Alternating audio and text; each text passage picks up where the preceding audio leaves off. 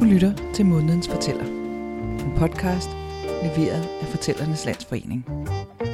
Hver måned vil en ny fortæller præsentere sig selv ved at give en rigtig god historie. Denne måneds fortæller er Steiner, og her får du hans historie, som hedder Onkel Valdemar. Rigtig god fornøjelse.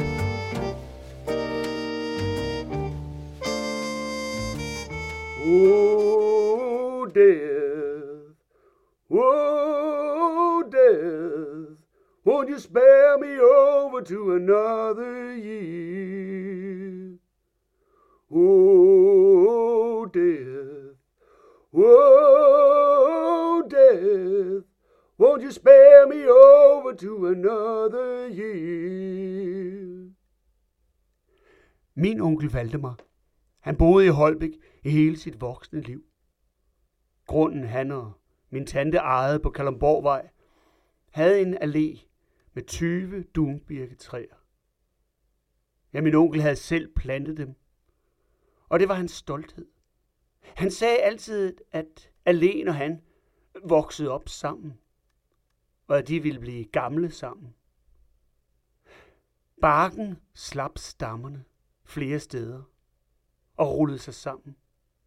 Og som dreng kunne jeg tage den tynde, fine, hvide bark og skralde den forsigtigt af. Jeg havde så papir, som jeg kunne skrive på. Ja, det havde jeg jo lært som spejder.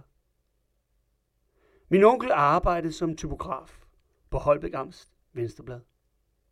Og han havde en blå side. Han kunne blive frygtelig, frygtelig deprimeret.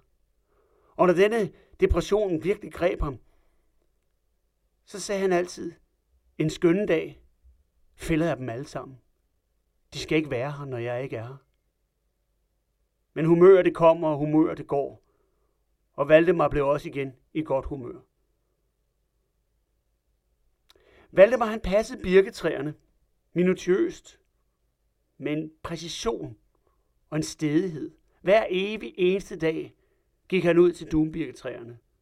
Der var en gren, der skulle klippes. Der var grene, der skulle rives sammen. Der var hele tiden arbejde at gøre for ham, for at passe de 20 træer. Han stammede dem op. Bladene blev revet sammen med den gamle blå løvrive nede fra træskuret.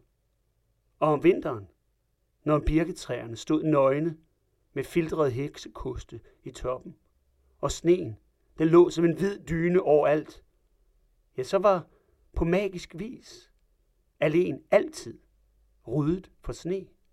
Jeg ved ikke, hvordan onkel Valdemar formåede det, men han formåede altid at komme ud og fjerne al sneen, så alene den altid var ryddet. Vi holdt mange juleaftener på Kalumborgvej. Et år havde min onkel fået fat i en hulens masse græn, pyntegræn. Og han havde så dækket hele alene med grænkviste. Det var et fantastisk syn. At stå for enden af alene og kigge op mod huset, som jeg vidste, at min tante havde julepyntet. Og når jeg siger julepyntet, så mener jeg virkelig julepyntet. Der var nisser og hjerter fra helvede. De var sgu alle vegne.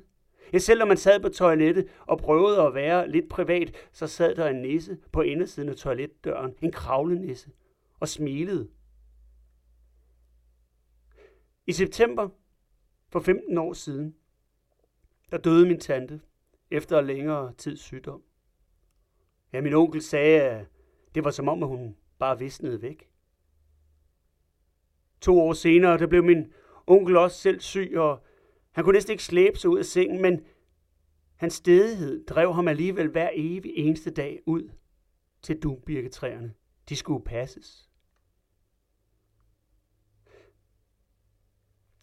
Dumbirketræerne stod høje, slanke, mere end 20 meter høje, gråhvide og helt glatte. Tiden gik, og onkel Valdemar, han humør røg længere og længere ned i grøften. Det var svært at få ham op igen. Og en dag, ja, der tog han den store økse ud fra træskuret og gik ned for enden af alene. Jeg tænker i dag, at han må have kigget op mod huset, op igennem alene. En sidste gang.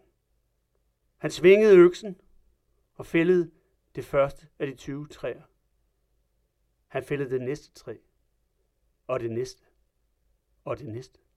Og han blev ved, og jeg tænker, sveden må have sprunget fra hans pande. Han må være gennemdrivende våd af sved, da han svingede øksen sidste gang mod det sidste træ, der stod til venstre op mod huset.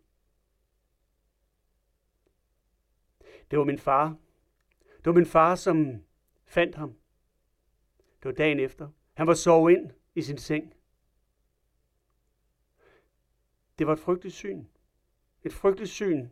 Jeg var derude i løbet af eftermiddagen sammen med min mor og se alle de træer, der var væltet ned over alléen. De lå filtret ind i hinanden. De høje træer var fældet for evigt. Og det sidste træ, der stod til venstre foran huset, ja, der sad øksen i. Vandret var den hugget ind i. Min far havde prøvet at hive den ud af stammen, men han kunne ikke rokke den. Og selv min fætter, Nils, som arbejdede for skibsfarten, han kunne heller ikke flytte det. Nu er det så sådan, at det er jo selvfølgelig en stykke tid siden. Og i dag der er alene selvfølgelig ryddet for træer, og der er lagt perlegrus i stedet. Men det sidste træ, der hvor øksen blev svunget i, ja, det står der stadig. Træet er jo vokset videre. Og det er nu ligesom vokset fast øksehovedet i stammen. Og man må stadig tage et sving udenom træet, når man kommer helt op til huset. Så de nye, nye ejere har ikke ønsket at fjerne øksen. De har lavet den sidde. Og folk på Kalundborgvej kalder den dag i dag stadig alene for Økseallé. Vi fandt aldrig rigtig ud af, om onkel Valdemar havde tænkt sig at fælde det sidste træ, eller at han faktisk ville have lavet et overleve. Oh, death, oh, death, won't you take me over to another year?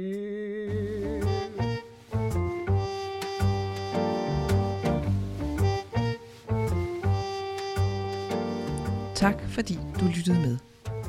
Vil du vide mere om månedens fortæller eller om fortællingen helt generelt, så kan du gå ind på vores hjemmeside fortælleridanmark.dk. På genhør i næste måned. thank you